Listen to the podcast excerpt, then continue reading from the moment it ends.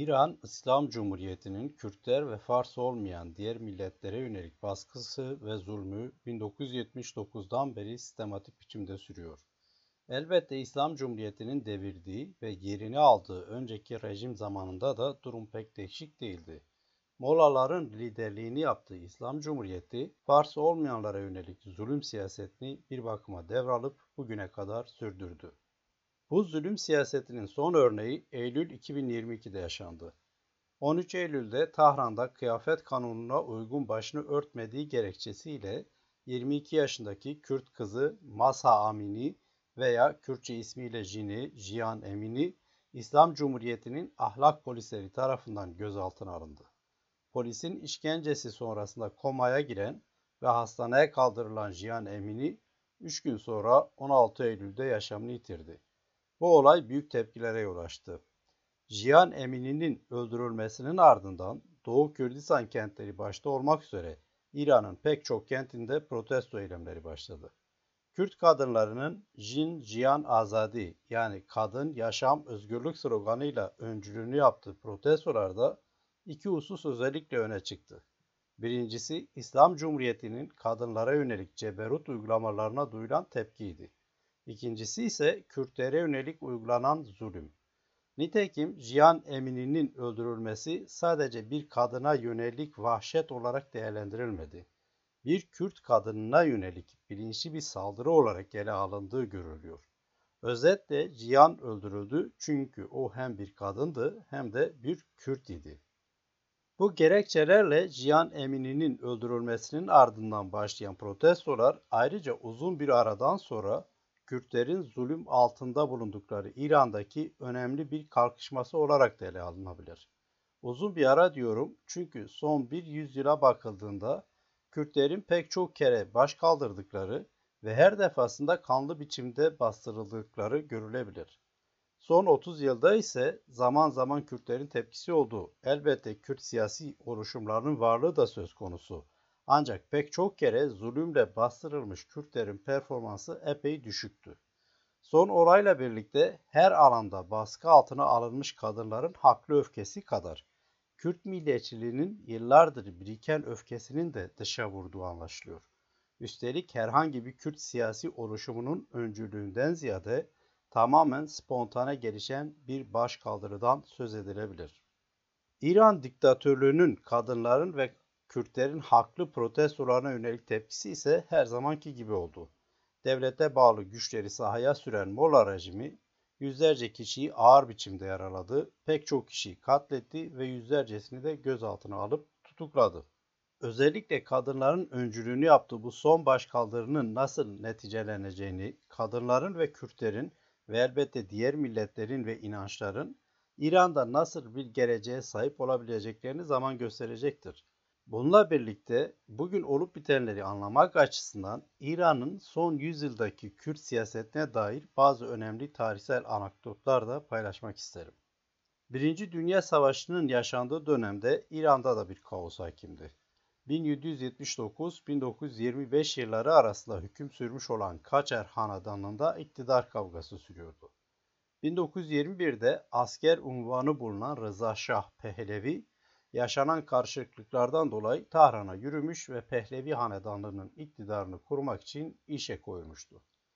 1925'te ise kesin biçimde iktidarı devralan Rıza Şah, 1941'e kadar da diktatör olarak ülkeyi yönetti.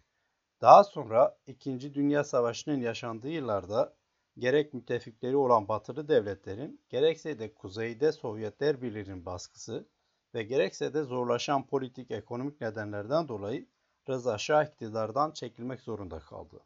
Rıza Şah'ın yerine ise oğlu Muhammed Rıza Pehlevi Şah olarak tahta geçti. Böylece İran'da Pehlevi Hanedanlığı 1925-1979 yılları arasında hüküm sürdü ve ardından Mollaların devrimi gerçekleşti. 1979'dan beri İran'ı yönetenler bu Mollalar. 100 yıl önce İran'da iktidara gelen Pehlevi Hanedanlığı'nın iktidarı çoğunlukla Şah rejimi olarak bilinir. Şahlık rejimi özetle Batı yanlısıydı. Yaşam tarzı konusunda da Mustafa Kemal'in Türkiye'si ile benzer modernist parametrelere sahipti ya da laik bir sistemi esas aldığı söylenebilir. Benzerlikleri bununla sınırlı değildi.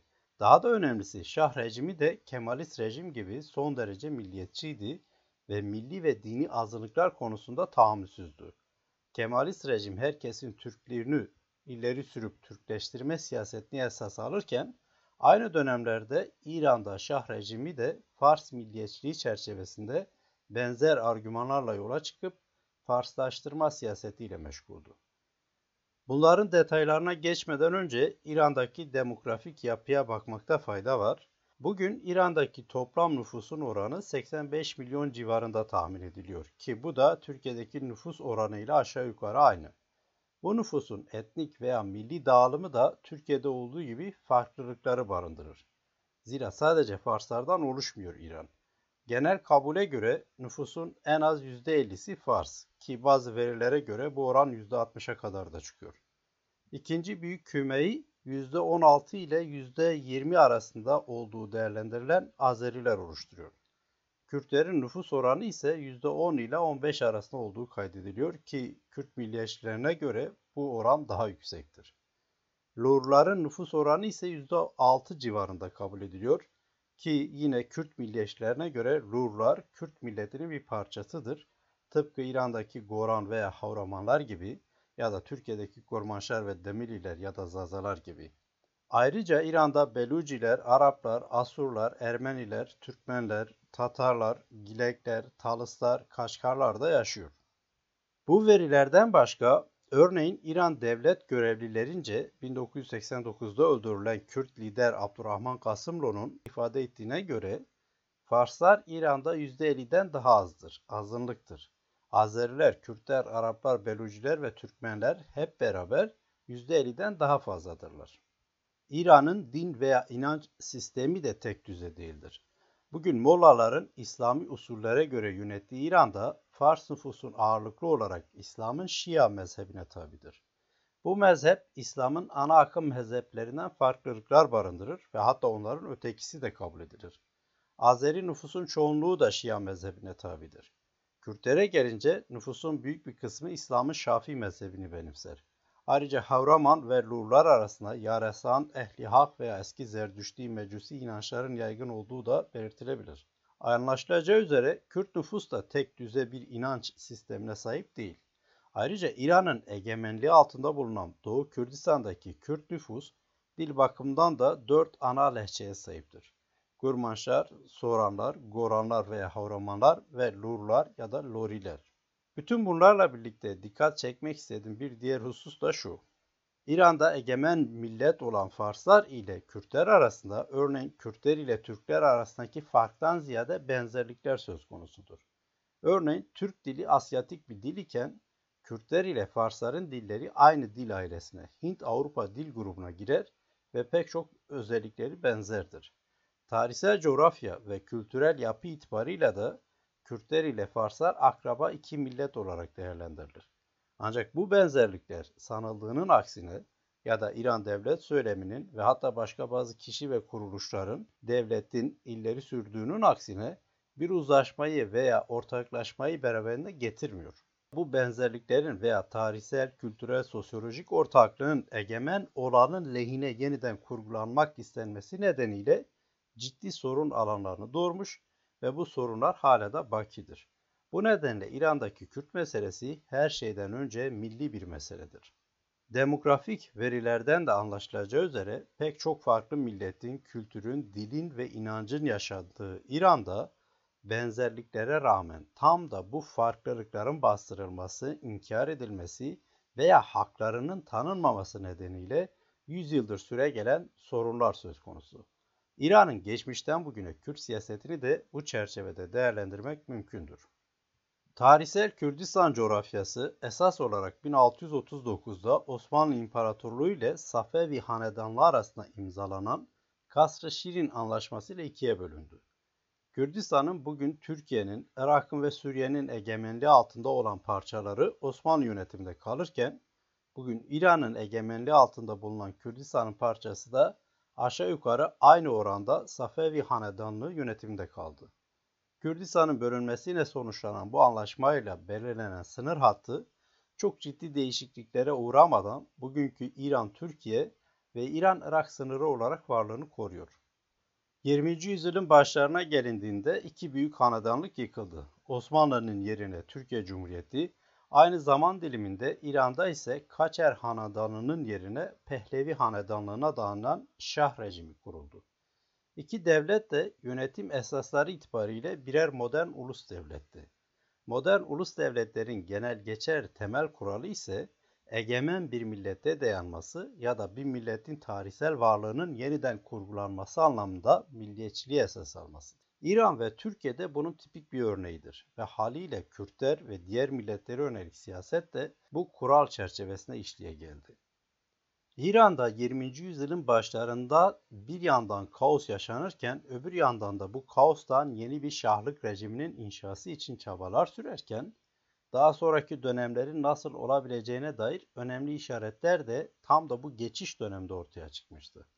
1921-1925 arasında iktidarını kurumsallaştırmaya çalışan Pehlevi Hanedanlığı mensubu Rıza Şah'ın otorite olmasının hemen öncesinde örneğin Kürt dilini de ilgilendiren bazı adımlar atılmıştı. Her şeyden evvel 1906'da kabul edilen İran'ın ilk modern dönem anayasasında Farsça örneğin tek resmi dil ilan edilmiş ve Kürtçe, Türkçe, Belucice gibi birçok dil dışarıda bırakılmıştı. Pehlevi hanedanlığı ile birlikte İran'ın daha sonra nasıl bir rejime evrileceğinin işareti olarak kabul edilebilecek bir diğer örnek de şöyle. Pehlevi hanedanlığının iktidarı tam anlamıyla ele geçirmesinden hemen önce Milletler Cemiyeti'nde yani bugünkü Birleşmiş Milletler'inde Türkiye ve İngiltere'nin Kürt meselesine ilişkin tartışmalar İran'ın dikkatinden kaçmamıştı ve İran'ın Milletler Cemiyeti temsilcisi Muhammed Ali Furugi bu tartışmalardan hareketle İran'ın Dışişleri Bakanlığı'na gizli bir rapor sunmuştu. Raporda Osmanlı Kürtlerinin bağımsızlığı ile ilgili tehlikeler konusunda değerlendirmeler yapılmıştı. Foroki kendi hükümetine azınlıkları entegre etmek için baskıdan sakınmalarını ve Fars dilinin edebiyatının ve kültürünün propagandasını yapmalarını tavsiye ediyordu. Farsça konuşmayı zorunlu kılmanın gereksiz olduğuna işaret ediyordu. Mutlu bir tesadüf olarak diye yazıyordu raporda ve devam ediyordu. Ne Türkçe ne de Kürtçe bir edebiyat dilidir ve bizim azınlıklarımız kültürel edebi mayaya sahip değiller. Kolaylıkla Fars diline, edebiyatına ve kültürüne içerilebilirler yani entegre edilebilirler. Furugi, öteden beri bölgede köklü devlet geleneği olan İran'ın kültürel hegemonyasına hayranlıkla göndermede bulunurken, kuşkusuz modern dönem Fars dili egemenliğinin sürekliliğini bu tarihsellik içinde yeniden öğretiyordu. Fars dilinin tarihsel devlet geleneği nedeniyle Arap dili gibi hegemonik bir geçmişe sahip olduğu doğrudur. Ancak bu durum dışlanan ya da Frugi'nin sözüyle içerilmesi istenen öteki dillerin iddia edildiği üzere medeni olmadıkları, en azından yazılı bir geleneğe sahip olmadıkları anlamına gelmez. Frugi'nin çizdiği çerçeve egemen olanın hoyratlığını, kibrini ve bunların yol açtığı adil olmayan dilsel, kültürel, kimliksel konumları yeniden üretme gayretini ifade eder. Ve 20. yüzyılın başından bu yana İran'ın Kürt dili de dahil bütün öteki dillere ve kimliklere karşı izlediği politikayı da bu şekilde anlayabiliriz. Pehlevi hanedanlığının iktidarı tamamen ele geçirmesinden 2 yıl önce ve Furugi'nin önerisinin gündeme geldiği 1923'te bütün hükümet dairelerinde Farsçanın tek resmi dil olarak kullanılması yönünde talimatlar gönderilmiş. Azerbaycan Eyaleti Merkezi Eğitim Dairesi'ne gönderilen bir genelge istenilenleri açıkça ortaya koyuyor. Kürt dil bilimci Amin Hasanpur'un Kürdistan'dan Milliyetçilik ve Dil kitabında aktardığı bu belge şöyle. Başbakanın emirleri üzerine Farsçanın bütün vilayetlerde özellikle de okullarda kullanılması zorunlu kılınmıştır. Bu nedenle kendi sorumluluk alanınızdaki bütün okullara ona tam itaat etmelerini ve bütün işleri Farsça ile yürütmelerini ve daireniz mensuplarını da konuşurken aynı şeyi yapmaları gerektiğini bildiriniz. Kürtçe konuşmanın dahi katı cezalandırma gerekçesi yapıldığı Türkiye ile aynı dönemlerde İran'da yasakların alanını öteki kimlikleri tanımlayan bütün kültürel üyeleri kapsayacak biçimde genişletmişti. 1921'deki darbe ile iktidarı ele geçiren ve 25'ten itibaren tamamen otoriter olan Pehlevi Hanedanı'nın şahı Rıza Pehlevi bundan böyle bütün Kürt kültürel geleneklerini, giyim kuşamlarını, edebiyatını, müziğini ve oyunlarını yasaklamaya başlamıştı. Nitekim 1930'lu yıllarda bu yasaklar çok daha katı bir hal almaya başlamıştı. Öbür yandan Rıza Şah diktatörlüğü sırasında Kürt aşiretlerine de göz açtırılmadı. İran'da da Türkiye'deki gibi Kürt milletinin varlığı aşiret düzeni çerçevesinde değerlendiriliyordu. Aşiretlerin varlığı huzursuzluğun ve gericiliğin işareti olarak ele alınıyordu ve elbette aşiretlerden korkmanın ve onları yola getirmenin en temel nedeni Kürt huzursuzluğunu bastırmaktı. Zira İran'da da o dönemlerde Kürt milliyetçiliğinin temel taşıyıcı unsurları aşiretlerdi. Bunun en önemli örneklerinden biri İsmail Ağa Şikaki ya da yaygın bilinen ismiyle Sımku Ağa'nın 10 yıldan fazla süren isyanıdır. Daha İran'da kaos hakimken ve herhangi bir otorite de yokken 1910'ların sonlarından itibaren Sımku Ağa Doğu Kürdistan'daki Kürt huzursuzluğunun ve emellerinin temsilcisi olarak tarih sahnesine çıkmıştı. 1920'lerin ilk birkaç yılında İran'daki otorite boşluğunun ve elbette bu sıralarda Birinci Dünya Savaşı sonrasında bölgede henüz bir düzenin tam olarak kurulamamış olmasının yarattığı elverişli ortamda Sımkua önemli başarılar elde etmişti. Pek çok kere İran güçlerini yenilgiye uğratan Sımkua, Osmanlı ve İran imparatorluklarından sonra bölgede kurulacak yeni dünya düzeninde kendisinin ve liderliğini yaptığı Kürtlerin de söz sahibi olması için çabalamıştı. Aşiretlerden askeri güç devşiren, rejim güçlerine zaman zaman ağır yenilgiler yaşatan ve bazı önemli Kürt kentlerinde otoriteyi de ele geçiren Sımkua, öbür yandan bölgede söz sahibi olan İngiltere, Rus Çarı ve ardından Sovyetler Birliği ve hatta yeni Kemalist Türkiye Devleti nezdinde de görüşmeler yapmış ve destek istemişti. Sonuç olarak 1925'te Rıza Şah İran'da otoritesini kurduğu ve ipleri eline aldığı sırada bölgede de yeni dünya düzeni kurulmuştu. Bununla birlikte Türkiye Cumhuriyeti, Irak Monarşisi ve Suriye'de bir Arap devleti kurulmuştu.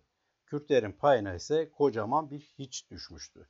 Sımkua gibi Kuzey Kürdistan ve Türkiye'deki Kürt milliyetçileri de, Irak ve Güney Kürdistan'daki Kürt milliyetçileri de çabalarından sonuç elde edememişlerdi. En önemlisi de bütün bu bölgelerdeki Kürt milliyetçileri zaman zaman ilişkileri ve bağlantıları olmuşsa da esas olarak ortak bir Kürt davası için birlikte hareket etmemişlerdi. Her biri bulunduğu ülkede ve Kürdistan parçasında bir sonuç elde etmek istemişti ve aldıkları sonuç ise hiçbir şeydi. Sımkua, Rıza Şah'ın kendisini affettiğini ve hatta bir kente valilik görevini verdiğini kabul etmiş ve hükümet yetkilileriyle görüşme yapmak için 1929'da yola çıktığında ise tuzağa düşürülüp öldürülmüştü. Ne acıdır ki kardeşi Cafer Ağa da 10 yıldan fazla bir süre önce benzer bir akıbeti yaşamıştı. O da vali ilan edilmiş ve katıldığı bir ziyafette bir suikast sonucunda öldürülmüştü. İran'ın Kürt liderlere yönelik bu taktiği sonraki yıllarda da sürecekti. 1940'ların hemen başında bir yandan Avrupa'da ve Uzak Asya'da 2. Dünya Savaşı devam ederken, öbür yandan savaşın taraflarından olan İngiltere, Amerika ve Sovyetler Birliği İran ve Orta Doğu'da işleri sağlama almak istiyorlardı.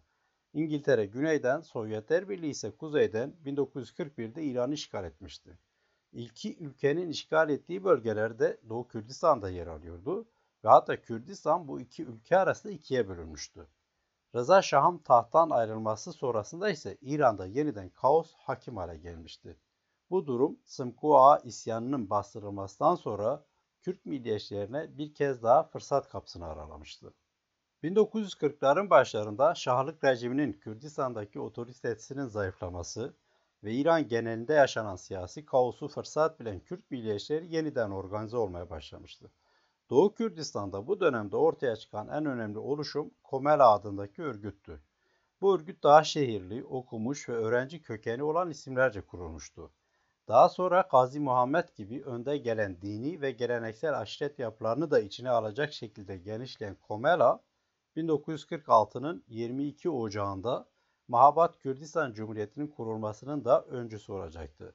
Daha doğrusu geniş toplumsal kesimleri ihtiva etmeye başladığı andan ve Gazi Muhammed'i de liderliğe getirdikten sonra İran Kürdistan Demokrat Partisi adını alacak ve bu parti tarafından Kürt Cumhuriyeti'nin kuruluşu ilan edilecekti. 1942 ve 46 yılları arasında Kürt milliyetçileri bölgelerinde fiili olarak otoritelerini tesis etmişti. Hatta Kazı Muhammed'in ifadesiyle Rıza Şah tahttan indirildiğinden beri gerçekte bağımsız idiler. Ancak Kazı Muhammed liderliğindeki Kürdistan Cumhuriyeti daha ilan edilmeden ve ilan edildikten sonra da aslında İran'la müzakerelere açıktı. Bunun için çeşitli girişimleri de söz konusu olmuştu. Bu nedenle her ne kadar bağımsız bir cumhuriyetin ilanı söz konusu olmuşsa da Kürtler esasında olası bir özellik veya federasyon için müzakerelerde bulunmak niyetindeydiler. Kürdistan Cumhuriyeti'nin kuruluşunda Kürtlerin en fazla irtibatlı oldukları güç Sovyetler Birliği'ydi. Hatta pek çok yoruma göre bizzat Sovyetler Birliği bu cumhuriyetin kuruluşunu teşvik etmişti. Çoğunlukla da Sovyetlerin sağladığı belirtilen destek neredeyse Kürdistan Cumhuriyeti'nin tek hikayesi gibi sunulabiliyor. Oysa gerçek tam olarak böyle değildi. Bu dönemde hem Sovyetler Birliği'nin hem de Batı kampının milletin kaderini tayin hakkı ile ilgili teşvik edici tutumlarının Kürt milliyetçilerini etkilememesi elbette zordu. Ancak hangi kampın Kürtleri dikkate alacağı önemliydi. Sovyetler Birliği'nin Orta Doğu'ya girme çabası Batı kampını Irak, İran ve Türkiye'yi desteklemeye ve dolayısıyla Kürtlerin isteklerini karşılıksız bırakmaya sevk ederken Kürt milliyetçiliği ile ilgili Kürt kitaplardan birini yazmış olan Vadi Civadeyn deyişiyle Batı'nın hayal kırıklığına uğrattığı Kürtler umutlarını artık Ruslara bağladılar ve yüzlerini onlara çevirdiler. Nitekim Sovyetler Birliği İran'ı işgal ettikten hemen sonra aralarında Kadı Muhammed'in de bulunduğu Kürtlerin etkili bazı isimlerini Bakü'ye davet etmiş ve daha sonraki yıllarda da bunu tekrarlamıştı. Bu Sovyetlerin Kürtlerle ilk kez doğrudan muhatap olmasıydı. Sovyetler Birliği'nin desteği Kürt milliyetçilerin cumhuriyet ve otorite ilanında bulunmaları için cesaret verici ve teşvik edici olmuştur. 1946'da İran'dan çekilmesine kadar Kürtlerle ilişkilerini sıkı tutan ve milliyetçi emellerine arka çıkan Sovyetler Birliği'nin kuşkusuz Mahabat'ın kuruluşunun tek motive edici veya teşvik edici faktörü olmadığı kesindir. Onunla birlikte esasında konjüktürel davrandığı ve Kürtleri yüzüstü bırakabileceği ise daha en başından belliydi. İngiltere ve İran ile imzaladığı anlaşma gereğince 1946'da İran'dan çekileceğini daha 1942'de taahhüt eden Sovyetler Birliği, dolayısıyla arkasında duracağı kalıcı bir oluşum konusunda da taahhütte bulunmamıştı. Nitekim Modern Kürt Tarihi adlı kitabıyla bilinen tarihçi araştırmacı David McDowell'in dikkat çektiği gibi Sovyetler Birliği'nin azınlıkların kendi kaderlerini tayin hakkını desteklediği ancak koşulların Kürtlerin bağımsızlığı için henüz olgunlaşmamış olduğu söylendiğinde yani Mayıs 1942'de Kürt temsilcileri ikinci kez Bakü'deydiler. Kürt milliyetçileri davaların haklarına ve sahip oldukları güce güvendikleri kadar Sovyetler Birliği'nin desteğine de bel bağlamışlardı. Ancak her iki durumda da sonuç hayal kırıklığı olmuştu. Bu noktada bir ara verip Mahabat'ta ilan edilen kısa ömürlü 6 aylık ömrü olan Kürdistan Cumhuriyeti'ne dair birkaç hususun altını çizmekte fayda görüyorum. Birincisi şu, Mahabat Kürdistan Cumhuriyeti örneğinde de karşılaşılabileceği üzere Kürt hareketleri sıklıkla dış güçlerin başkası olmakla itham edilebiliyor ve eylemleri ve amaçları tamamen arkalarında olduğu iddia edilen dış güçlerin bozguncu ve yıkıcı emelleriyle açıklanıyor. Bu söylem elbette Kürtlerin egemenlikleri altında olduğu devletlerin resmi söylemini ifade eder. Bu söylemde Kürt milliyetçiliğinin küçümsendiği ve esas rolün Kürtlerin destek umdukları veya aldıkları bölgesel veya küresel güçlere verildiği görülüyor. Yani dış güçler olmasa Kürtlerin bir numarası yok deniliyor. Hatta Kürt diye bir şey yok. Haliyle de Kürt davasından da söz edilemez. Olup bitenler dış güçlerin işidir ve bunlar olmayan bir şeyi yani Kürtçülüğü kürükleyerek olmayan bir sorunu yaratmaya ve böylece örneğin Türkiye'yi, İran'ı, Irak'ı veya Suriye'yi bölüp parçalamak, yıkmak istiyorlar. Bu arada bu dış güçler her dönem farklı devletler, istihbarat örgütleri veya kişiler olabiliyor. Yani duruma göre değişebiliyor. Bu paranoyak resmi söyleme karşın Vadi Civadeyn, Mahabat Kürdistan Cumhuriyeti ve Sovyetler Birliği ilişkisine dair yaptığı şu değerlendirme dikkate değerdir. Mahabat rejiminin itici gücünü ve ilhamını büyük ölçüde Sovyetler Birliği'nden aldığını, çok sayıda Kürdün rejimin nihai başarısı için taşıdıkları umudu kesintisiz Sovyet yakınlığı ve desteğine bağladığına hiç şüphe yoktu. Yine de Kürt milliyetçiliği duygusunu hafife almak ve Kürtlerin rejimde oynadığı rolü küçümsemek hem haksız hem de gerçek dışı bir yaklaşımdır.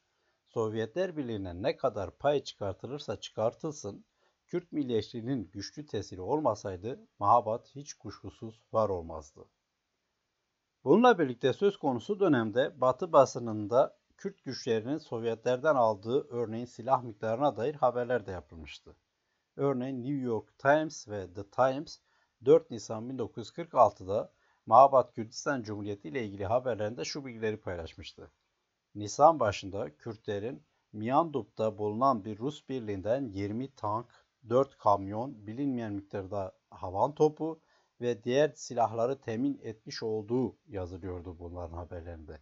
Ancak yine Vadi Civade'nin şu yerinde tespitiyle bu kuşkulu bilgilerin aksine gerçekte durum şöyleydi. Artık biliyoruz ki Mahabat Cumhuriyeti'nin çökmesinin en büyük sebeplerinden biri elinin altında böyle bir kuvvetin kesinlikle olmamasıdır. Aslında Gazi Muhammed rejiminin Sovyetler Birliği'nden aldığı destek, teşvik ve yerine getirilmemiş yardım vaatlerinden öteye gitmemiştir. Konuyla ilgili belirtmek istediğim ikinci husus da şu, Kürdistan Cumhuriyeti'nin çöküşünden temel faktörler sıralanırken Sovyetler Birliği'nin desteğini çekmesinin yanı sıra başka faktörlere de dikkat çekiliyor. Ekonomik şartların elverişsizliği, yoksulluk ve kıtlığın yaygınlığı, İran pazarına mutlak bağımlılık, devlet için gerekli kurumsal altyapının hazırlanmayışı, askeri ve lojistik zayıflık, toplumsal ayrışmalar ve otoritelerini sürdürmekte kararlı olan aşiret reislerinin çekişmesi, iktidar mücadeleleri, etkili bir liderin olmayışı vesaire. Aslında pek çok objektif tarihçi ve araştırmacıya göre Mabat Kürdistan Cumhuriyeti'nin çökmesine etkili olan bütün bu faktörler içinde en önemlisi, Sovyet faktöründen de daha önemlisi, aşiretlere bölünmüş ve iktidar kavgasına tutuşmuş Kürtlerin birlik olamamalarıydı. Bu iki hususa dikkat çektikten sonra devam edeyim. Mahabat'ın çöküşü ardından Kazı Muhammed ve iki arkadaşı 31 Mart 1947'de İran'da Cumhuriyet'in kuruluşunda rol oynadıkları gecesiyle Irak ordusunun 4 Kürt subayı da Bağdat'ta idam edilmişti. Kadı Muhammed'den yaklaşık bir hafta sonra başka bazı Kürt subaylar ve yetkililer de ayrıca idam edilmişti. Pek çokları da tutuklanıp ağır cezalara mahkum edilip hapishanelere konulmuştu. Nihayetinde Mahabat Kürdistan Cumhuriyeti'nin dramatik sonuyla büyük darbe almışsa da artık övünülecek şehitleri de olan Kürt milliyetçileri davalarının hakları konusunda pes etmedikleri gibi büyük hayal kırıklığına rağmen Sovyetler Birliği ile ilişkilerini de koparmamışlardı. Nitekim Mahabat Kürdistan Cumhuriyeti'nin ilanında binlerce peşmergesiyle katkıda bulunan Molla Mustafa Barzani, çöküşün hemen ardından zaten ayrılmak zorunda kaldığı Irak'a dönemeyeceği için de İran Türkiye sınırı boyunca günlerce süren zorlu bir yolculuktan sonra Sovyetler Birliği'ne sığınmıştı. Barzani 1958'e kadar yani 12 yıl burada kalmış ve ardından Irak'taki Kürt hareketini burada yönetmişti. 1958'de ise askeri darbeyle Irak'ta monarşi yıkılınca Barzani Güney Kürdistan'a gelebilmişti. Molla Mustafa Barzani'nin de dönüşünden sonra 1960'lı yıllarda Güney Kürdistan'da Irak rejimine karşı Kürt milliyetçiliği dalgası yükselirken Doğu Kürdistan'da ise İran'a karşı etkili olabilecek bir Kürt muhalefeti neredeyse yok gibiydi. Gazi Muhammed'in Kürdistan Demokrat Partisi vardı ancak büyük bir yıkımın ardından pek de etkili olabilecek düzeyde değildi. Nihayetinde uluslararası destek de bir kez daha kendisine herhangi bir fayda getirmeyeceği düşünülen Kürtlere değil İran'a gitmiş ve başka pek çok önemli nedenle birlikte Kürtler bir kez daha eli boş kalmıştı. Bu arada Rıza Şah'ın yerine gelmiş ve Mahabat Kürdistan Cumhuriyeti'ni de yıkmış olan oğlu Muhammed Rıza Şah bazı alanlarda politik değişikliklere gitti. Evet Kürtler bir daha bu dönemdeki gibi avantajları elde edemeyeceklerdi. Bununla birlikte İran'da 1925-1946 arasındaki katı politikaları yürütemeyecekti. İran'ın bu dönemden sonraki politikası daha önce aktardığım Furugi'nin 1920'lerin başında önerdiği çerçeveye çok daha yakın bir biçimde gelişmeye başlamıştı. Sert yasak uygulamaları yerini entegrasyona dayalı politikalara bırakıyordu. Amaç ise elbette değişmiyordu. Varslaştırma siyasetinde ısrar ediliyordu. Rıza Şah döneminde Kürt kimliğinin göstergesi olarak değerlendirilen her unsur gibi yasaklanan Kürt dili, örneğin 1950'den sonra içerilmeye yani entegrasyona dair bir programla tehlike olmaktan çıkarılmaya çalışıldı. Elbette bu durum politik gelişmelerle doğrudan ilgiliydi. Daha 1925'ten beri İran'daki çeşitli akademik çevrelerce de desteklenen Farsçanın dünyanın en yüce dili olduğu iddiası 1950'den sonra çok daha geçerli bir hale getirildi ve bu iddiaya dayanılarak tehlike addedilen dillerin varlığı bu en yüce dilden türetilerek içerilmeye ve böylece bertaraf edilmeye çalışıldı. Akraba dil Kürtçenin Farsçanın lehçesi olduğu iddiasına koşut olarak buna paralel olarak hiçbir yapsal benzerlikleri bulunmamasına rağmen örneğin Arapça ve Türkçe için de benzer iddialar ortaya atıldı. Yani Kürtçe Farsça ile aynı dil grubuna girer ve dolayısıyla Kürtçe bir lehçe olarak, kaba bir lehçe olarak addedilmişti o dönemde ve en yüce dil olarak addedilen Farsçanın bir parçası olarak gündeme getirilmişti. Bunda da yetirilmeyerek Arapça ve Türkçe için de benzer iddialar söz konusu edilmişti. Kürtçenin bilimsel kullanım değerinden ve parlak bir edebiyat yaratacak meziyetten yoksun lehçe olarak görülmesi, böyle değerlendirilmesi İran akademi dünyasının bir istisnası değildi elbette. Aksine devletin kültürel hegemonyasına meşruluk sağlayan bir söylem ve dolayısıyla resmi politikaydı bu. Aynı zamanda lehçe olarak tanımlanması Kürtçenin resmen tanındığı sonucunu da vermiyordu. İran politikasında Kürtçenin lehçe olarak değerlendirilmesi Farslaştırma amacına hizmet ediyordu. Rıza Şah döneminde sert uygulamalarla sürdürülen Farslaştırma siyaseti oğlu Muhammed Rıza Şah döneminde yani 1941-1979 arasında entegrasyon politikasıyla devam ettirildi ve haliyle Kürt dili ve kimliğine yönelik yok sayıcı rotadan herhangi bir sapma adı aslında söz konusu değildi. Şiddetin değişen tonuyla karşı karşıyaydı Kürtler sadece. İran'ın Kürt dilini Farsçanın değersiz bir lehçesi olarak nitelemesi kuşkusuz aynı zamanda Furugi'nin 1920'lerin başında tehlike olarak bildirdiği Kürt milliyetçiliğini kontrolde tutma politikası ile ilgilidir. Özellikle 1946'daki bağımsızlık denemesi sonrasındaki başarısızlığına rağmen faal olmayı sürdüren Kürt milliyetçiliğine karşı bu tür bir politika gerekli görülmüştü. Aynı şekilde Irak'taki Kürt milliyetçiliğinin İran Kürtlerini etkilemesi, Soğuk Savaş dengeleri içinde Sovyetler Birliği'nin 1958'de Mısır'da Kayra Radyosu'nda İran'ı da hedef alacak şekilde Kürtçe yayınları teşvik etmesi ve böylece Kürt kartını ortaya sürmesi gibi faktörler de İran'ın Kürt dil politikasına belirleyici olmuştu. Ve aynı şekilde hatırlatmak isterim yanı başında Ermenistan'da Erivan Radyosu'nda da Kürtçe yayınlar yapıyordu ve bu da İran için tehlike olarak algılanıyordu. Dikkat çekildiği üzere Kahire Radyosu'nun yanı sıra Bağdat ve Erivan radyolarında da Kürtçe yayınların yapılması İran'ı benzer araçlara başvurmaya zorlamıştı. ABD ve İngiltere'nin desteğiyle İran, Kürt bölgelerinde çeşitli radyo istasyonlarını kurmuş, Tahran Üniversitesi'nde Kürt dili için dersler açmış ve hatta bazı kitap ve dergilerin yayınına da olanak tanımıştı. Sınırlı orandaki Kürtçe yayıncılık faaliyeti İran'ın Kürt dili politikasını ortaya koyan veriler sunar. Kürt dil bilimci Amin Hasanpur'un aktardığı şu örneğe bakmakta yarar var. Abdullah Marduhi'ye göre 1979-1981'de Mahabat Radyo ve Televizyonda müdürlük makamında bulunmuş Abdullah Marduhi'ye göre yayın sisteminde monarşi rejiminin en önde gelen ideologlarından olan Perviz Nikhah'ın 1974 baharında resmi politika ile ilgili enformasyon ve haberleri denetleyen müdürleri kısaca şöyle bilgilendirmişti. Yani İran rejiminin bir görevlisi şu talimatı veriyor. Kürt, Ermeni, Türk, Belluci gibi çeşitli etnik grupların ve bu grupların konuştuğu lehçelerin varlığı İran'ın düşmanları elinde bir koz olarak kullanılmaktadır. Bunlar bizim ülkemiz için birçok sorun yaratmıştır. Bunlar amaçlarına ulaşmadan önce planlarını etkisiz hale getirmeliyiz. Bunu Kürtçe vericileri yerleştirip yaygınlaştırarak yaparız.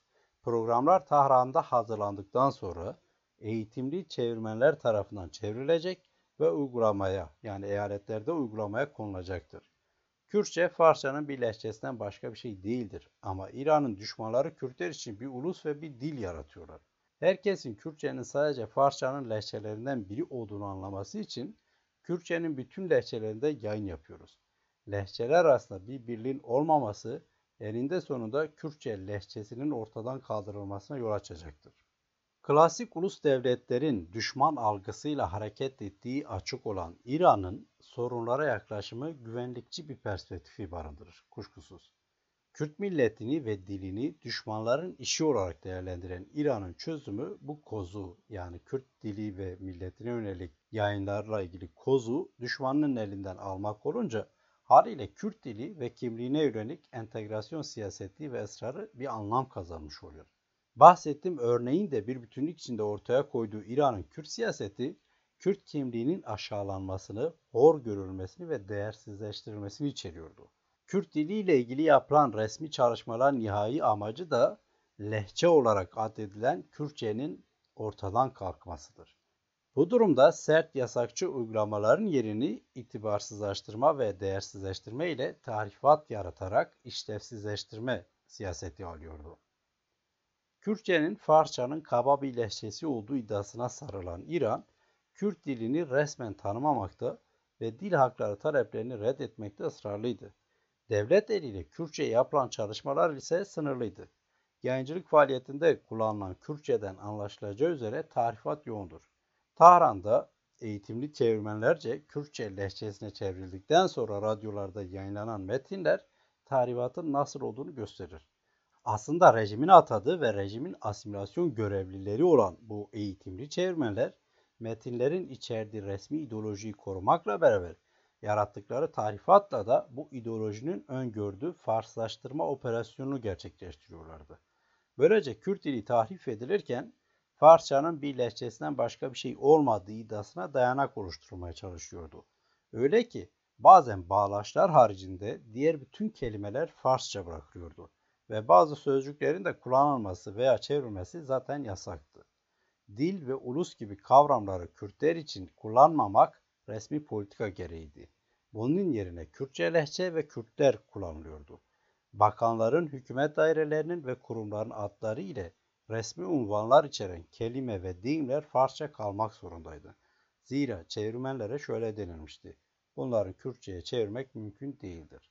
Kendisi de Doğu Kürdistanlı olan yani İran Kürtlerinden olan Kürt dil bilimci Amin Hasanpur bu konuyla ilgili bu verileri aktarıyor.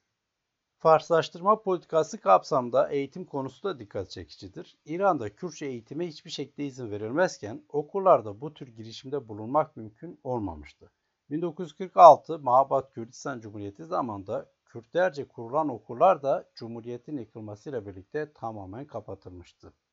Genel hatlarıyla İran'da 1925-1979 yılları arasında hüküm süren monarşinin Kürt siyaseti bu şekildeyken 1979'daki Molla devrimi sonrasında da aslında pek bir değişiklik olmadı. Pehlevi Hanedanlığı'nın Farslaştırma siyaseti 79'dan sonra da resmi düzeyde devam ettirilirken buna ek olarak Molla rejiminin Şia inancına dayalı ideolojik propagandası da lehçe olduğu iddia edilmeye devam edilen Kürtçe aracılığıyla yapılıyordu. Bu ideolojiyi barındırmayan kültürel unsurların büyük oranda kısıtlı Kürtçe yayınlardan dışlanmasıyla zaten tahribatta olan dilin kullanımı alanı iyice daraltılmış oluyordu. Kürtçe olduğu iddia edilen metinlerdeki Farsça sözcüklerin çokluğuna dini propagandanın etkisiyle Arapça sözcükler de eklenmişti ve böylece Kürt diline dönük tarifat arttırılmıştı. Anlaşılacağı üzere Molla rejimi ile birlikte bir yandan Kürtçe kelimeler tamamen metinlerden arındırılırken bunların yerine ısrarla Farsça kelimeler ve Şii inancına uygun olarak da Arapça kelimeler de yerleştiriliyordu ve bu şekliyle aslında Kürtçe diye bir dilin olmadığı Farsçanın kaba bir lehçesi olduğu iddiası temellendirilmeye çalışılıyordu. Molla rejimi de Kürtçe eğitimi hiçbir zaman gündemine almadı. 1979 devrimi sırasında Kürt hareketlerinin politik yönetsel boşluktan istifade ederek Kürt bölgelerinin özellikle kırsal kesimlerinde açtıkları okullarda verilen Kürtçe eğitim Molla rejimi otoritesini tesis ettikten sonra ortadan kaldırılmıştı.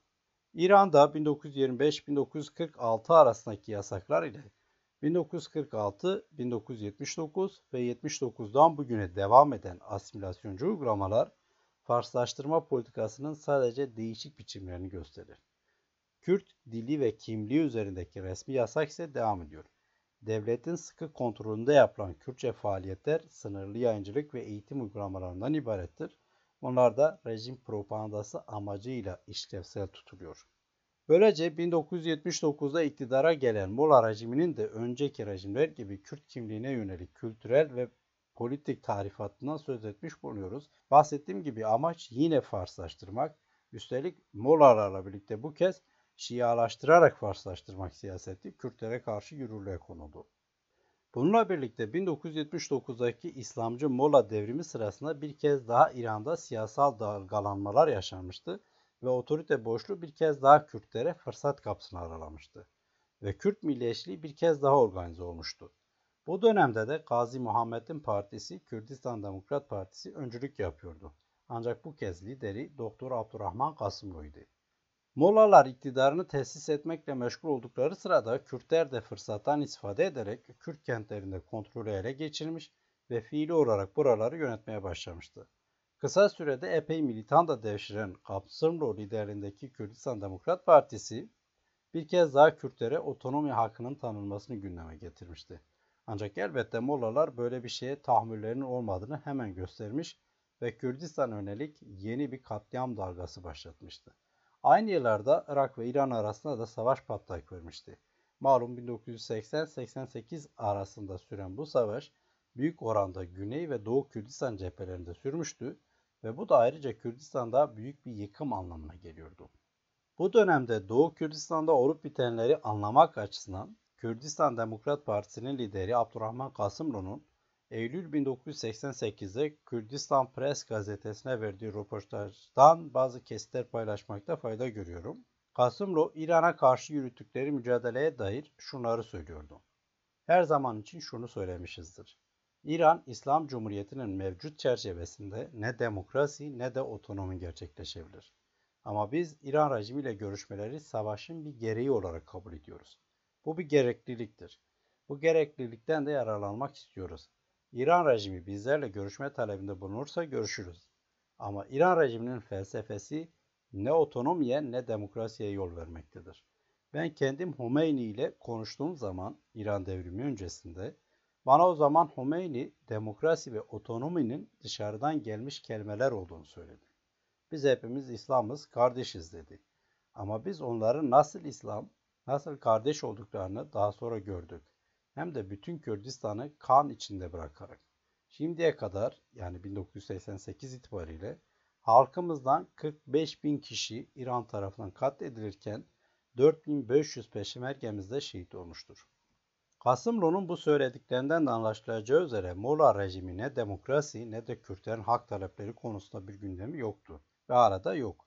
40 yıldan fazla süre sonra bugün olup bitenler de bunu zaten gösteriyor.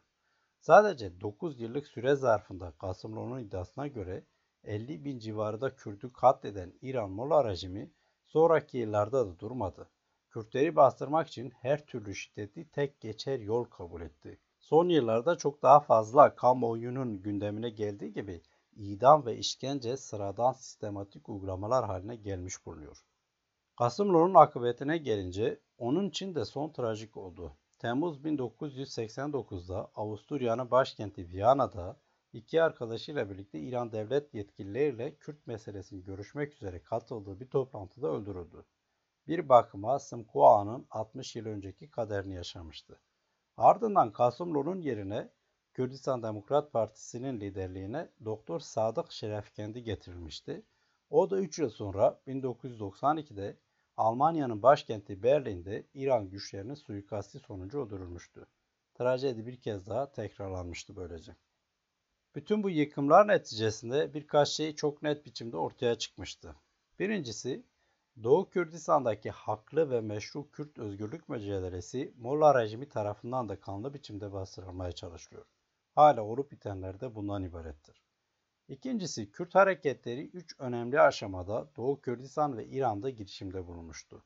Üçünde de İran'da siyasi kaos hakimdi ve bu Kürtlere önemli fırsatlar sunuyordu. Ancak bu elverişli koşullar tek başına Kürtlerin başarılı olmasını ne yazık ki sağlamadı. Her şeyden önce Kürtlerin iç çelişkileri, ve bugün de önemli bir meseleleri olan birlikten yoksullukları başarılarını engellemişti. Ekonomik, sosyal ve politik nedenler böylece belirleyiciydi.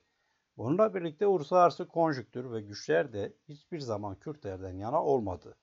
Bu noktada Doktor Abdurrahman Kasımlı'nın sözünü eğitim röportajından şu bölümü de aktarmak isterim ki bu Kürtlerin talihsizliğini gayet iyi biçimde ortaya koyuyor. Kasımlo şöyle diyor. Biz yalnız bir devlette yaşamıyoruz. Dört devletin arasında parça parça olmuşuz. Bu parçalanmışlık güçlükler ortaya çıkarmaktadır. Örneğin yalnız Türkiye'de yaşasaydık şimdiye kadar bağımsızlığımızı almıştık. Kürt halkı Türkiye'de, Batı yardım etmiyor. Kürt halkı Suriye'de, Irak'ta. Sovyetler, sosyalist ülkeler yardım etmiyor. Suriye ile Irak'ın sosyalist ülkelerle iyi ilişkileri var. Sosyalist ülkeler bundan dolayı bu ülkelerle ilişkileri bozulmasın diye bizlere yardım yapmıyorlar. Aynı şey Arap devletleri için de geçerli. Arap devletleri çok zengin ve bütün dünya ile önemli ilişkiler içindeler. Dünya da bize karşı onları tercih ediyor. Ona göre biz bir handikap içindeyiz. Başka bir konu da şu. Örneğin biz Afganistan'daki gibi Sovyetler Birliği'ne karşı savaşsaydık ABD bize yardım yapardı.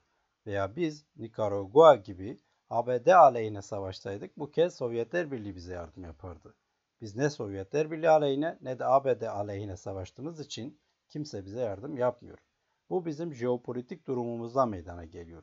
Kürt liderlerinin, Kürt hareketlerinin bu konuyu çok iyi tahlil etmeleri ve karar almaları gerekir. Yoksa büyük sloganlar atmak çok kolaydır. Ama o sloganları yerine getirmek başka bir şeydir. Kasımlı'nın sözleri böyle. Tekrar başa dönecek olursam, İran'da bahsettiğim gibi 1950'den sonra Kürtlere tanınan kısmi kültürel haklar var. Kürdistan adında bir eyalet de var. Kürtçe yayın yapan yayın organları da. Ancak hepsinin de sınırları var. Kürtlere tanınan kültürel haklar şayet Fars milliyetçiliğini Şii inancıyla birlikte egemen siyaset haline getiren rejime katkı sunduğu müddetçe, rejimin Kürtler nezdinde meşruunu mümkün kıldığı Kürtleri milli meselelerinden uzak tutabildiği ve İran'a entegre edebildiği oranda mümkündür. Aksi halde Molla rejimi de Şah rejimi gibi diktatörlüktür ve bu diktatörlüğün demokrasiyle, insan haklarıyla, özgürlüklerle hiçbir ilişkisi yoktur. Haliyle Kürtlerin ayrı bir millet olmaktan kaynaklanan hak ve özgürlüklerine de hiçbir zaman tahammüllü olmadılar. Görünen o ki olmayacaklar da. Ayrıca Molla rejimi İslam ve din kardeşliği çerçevesinde zaman zaman Kürt meselesinin çözümü için gündeme getirilen iddiaları da 40 yıl önce boşa çıkarmış bulunuyor. Türkiye'deki Kürt meselesinin çözümü için de AKP iktidarıyla birlikte sıklıkla gündeme getirildiği üzere Kürtlerin ve Türklerin ve Farsların din kardeşi oldukları, iktidarların İslami uygulamalarının veya ümmetçi yaklaşımlarının bu tür kavmi veya milli meseleleri çözmek için olanaklar içerdiği ileri sürülebiliyor. Ancak Molla rejiminin Kürt düşmanlığı bu hiç de gerçekçi olmayan iddiayı boşa çıkaralı epey oldu. Ve zaten AKP iktidarı da Türkiye'de benzer bir işlev görüyor. Sonuç olarak Kürtlerin veya Kürt milliyetçilerin tek başlarına şiddet organizasyonları ve yöntemleriyle son derece örgütlü olan İran'da herhangi bir değişikliği yaratmaya imkanları yok gibidir. Her şeyden önce nüfus oranları ve her alandaki donanımları böyle bir şey ortaya çıkarmaya el vermiyor. Yeni bir konjonktürel fırsat kaplarını yeniden çalar mı? Burası da belirsiz. Her defasında İran Molla rejimini kınayan ve hatta terörizmle suçlayarak yaptırımlar uygulayan pek çok ülkenin sıra Kürtlere gelince ne zaman suskunluklarını sonlandıracakları da belirsiz. Ancak bir gerçek de var. Eylül 2022'de Kürt kızı Mahsa veya Jiyan Emini'nin katledilmesi sonrasında patlayan Kürt öfkesi ve direnişi her halükarda meşrudur, haklıdır ve tarihseldir. Zira dünyanın en örgütlü terörist ve zalim devletlerinden biri olan Molla rejimine karşı bırakın protestoyu bir söz söylemek bile idam edilmek için yeterliyken buna rağmen Kürtlerin bir söz söylemekten çok daha fazlasını içeren meşru direnişi, saygı duyulmayı ve desteklenmeyi fazlasıyla hak ediyor.